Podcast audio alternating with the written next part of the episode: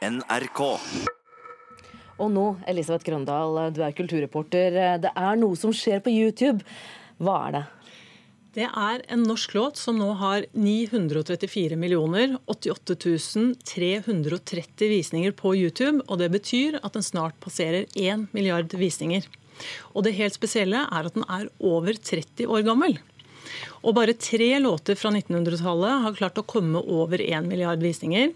Det er 'Smells Like Teen Spirit' med Nirvana, 'November Rain' med Guns N' Roses, Queens Bohemian Rhapsody og snart altså en norsk låt. Og Hvilken låt tror du det kan være? Jeg vet ikke, men den er i godt selskap.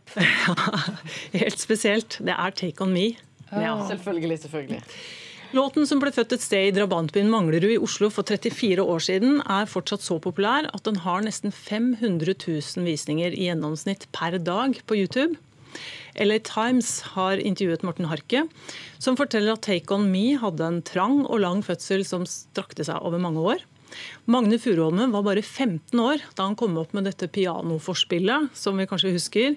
Men å få til resten skulle vise seg å være ganske vanskelig, og det tok lang tid og ble laget mange versjoner. Og En av de tidligere versjonene het The Juicy Fruit Song, og den er faktisk bevart. Har du lyst til å høre på den? Veldig.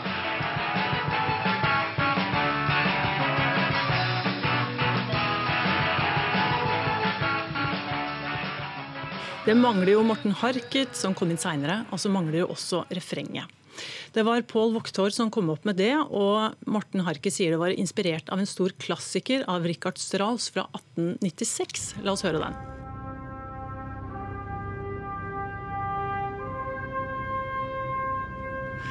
Det er kanskje litt overraskende at det er akkurat den, men eh, så fikk vi da med inspirasjon fra denne her, altså Sprach Zarathustra heter den, et av 80-tallets aller mest kjente refreng.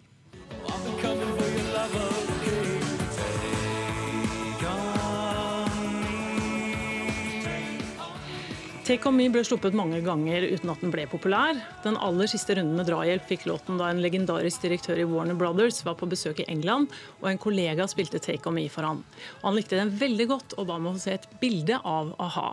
Og vi som var med den gangen, husker jo at de så jo ikke så aller verst ut, så da han fikk se bildet av de tre, så sa han det som på norsk må oversettes til 'kødder du'? Ser de virkelig sånn ut? Morten Harket var en av de flotteste mennene i hele verden, sa direktøren i intervjuet seinere. Han ble rett og slett helt forelska. Morten Harke hadde også en stemme som strakk seg over to og en halv oktaver. Og når han går opp i falsett, er han oppe i E5, som er en tone som er så høy at det nok har skremt mange karaokesangere som har litt for stor selvtillit. Snart har den altså nådd én milliard visninger på YouTube, og moralen kan kanskje være at man aldri skal undervurdere hva som kan komme ut av en liten drabantbykjeller på Manglerud.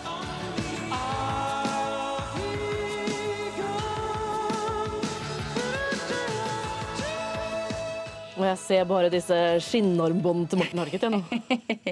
Øynene hans, da. De pene Du, nå er det biblioteker vi skal snakke om, fordi de har begynt å låne ut billedkunst. Kunne det vært noe? Absolutt. Sist ut er eh, Sandnes bibliotek i Rogaland, eh, som fra i dag starter med gratis utlån av kunst fra kommunens samling. Tilbudet gjelder bare for folk som bor i kommunen, og publikum kan låne to bilder om gangen i opptil tolv uker. Ja, jeg skal vise. Bildene ligger på nettet. Dette her er jo bare et lager.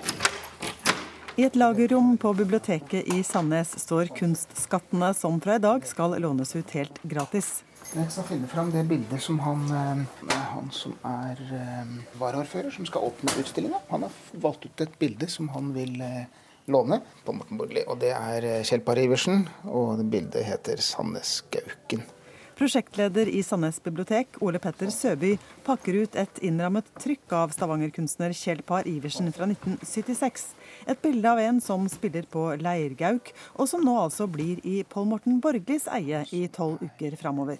Det er regelen at du kan ha det i tolv uker og ingen, ingen fornyelse så må du være bosatt i Sandnes for å kunne låne av den samlinga her. Ellers er jo samme biblioteket åpent for alle i landet, men her eh, kunstsamlinga til kommunen er kun tilgjengelig for de som bor i kommunen. Hvorfor gjør dere dette her? Der de har lyst til å formidle kunst, og vi syns det var et sprekt initiativ. Sier biblioteksjef Helene Hauke.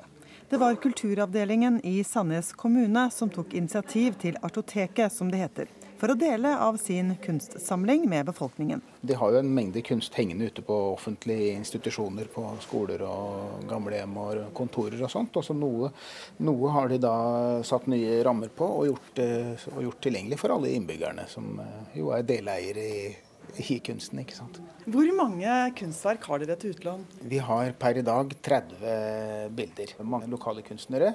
Vi vet at både i biblioteket i Asker og i Fredrikstad. Og Sandefjord-bibliotekene de har artotek. Og flere bibliotek i utlandet. Så vi henger oss på en bølge. Hvis jeg bor alene, da, så er det litt gøy å ha noen veggene for å piffe opp litt. Så slipper du å bruke penger på det òg, hvis du blir lei. Jeg tror det kan være veldig interessant. Folk som gjerne ikke har råd til å kjøpe, de kan få lov til å ha det med seg hjem og kjenne på hvordan det er. Ja, jeg syns det er fantastisk. Hvis kunst henger på en vegg for lenge, så blir det tapet. Så fra i dag kan du altså, hvis du bor i Sandnes, låne kunst fra Artoteket. F.eks. bildet 'Jernbanestasjonen' av den anerkjente kunstneren Roald Kyllingstad, som er født i Sandnes. Men du må oppfylle visse krav, forteller Søby og Hauke. Du må være 20 år for å kunne låne kunst hos oss. Og du må dessverre erstatte den selv. Og den skal leveres emballert, og den skal tilbake emballert å sjekke, sjekke rammer og glass om de er i, i forskriftsmessig stand når det blir levert. Eller så må brukeren eh, erstatte omkostningene vi har for å sette på nytt glass. Og det er jo som du ser emballert i ganske tjukke tøyposer. Og så er jo det med kunst da, at man kan laste ned en bok, ikke sant? men man kan ikke laste ned et bilde og få det opp på veggen. Ja, Da må du på biblioteket. og Det som er så fint, er at eh, tjenestene våre er gratis. Eh, og hvis du blir lei av det, så har du ikke investert en formue. Da kan du bare levere det og låne noe annet. Kunst til folket? Yes. Ja, Det høres lurt ut, spør du meg, reporter Anette Johansen Espeland. Ja, nå skal vi snakke om noe annet som du i hvert fall etter hvert kan finne på biblioteket, også låne gratis, nemlig en bok. Maja Lunde traff noe da hun i 2015 kom med romanen 'Bienes historie'. Det var en roman som handlet om konsekvensene av at eh, biene dør ut. Boken den nådde et stort publikum både nasjonalt og internasjonalt, og et par år etter da kom oppfølgeren 'Blå'.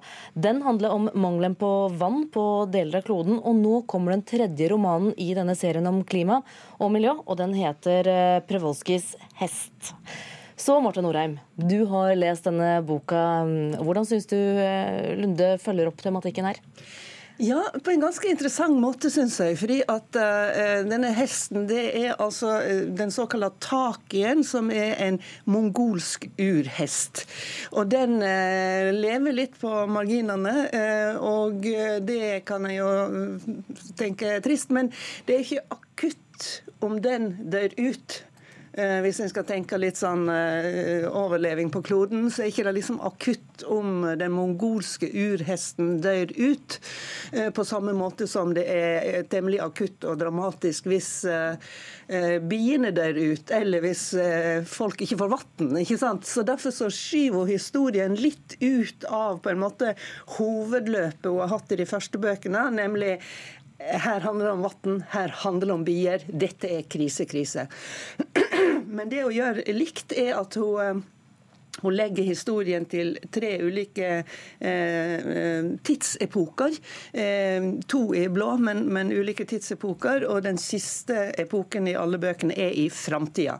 Så også her. Siste epoken det er på 2060-tallet. Eh, og da har vi ei klimakrise. Men klimakrisa er liksom ikke hovedsaka sånn i historien, sånn som, sånn som jeg syns det har vært i de to tidligere bøkene. Men hva er det som skjer da? ja, hva skjer?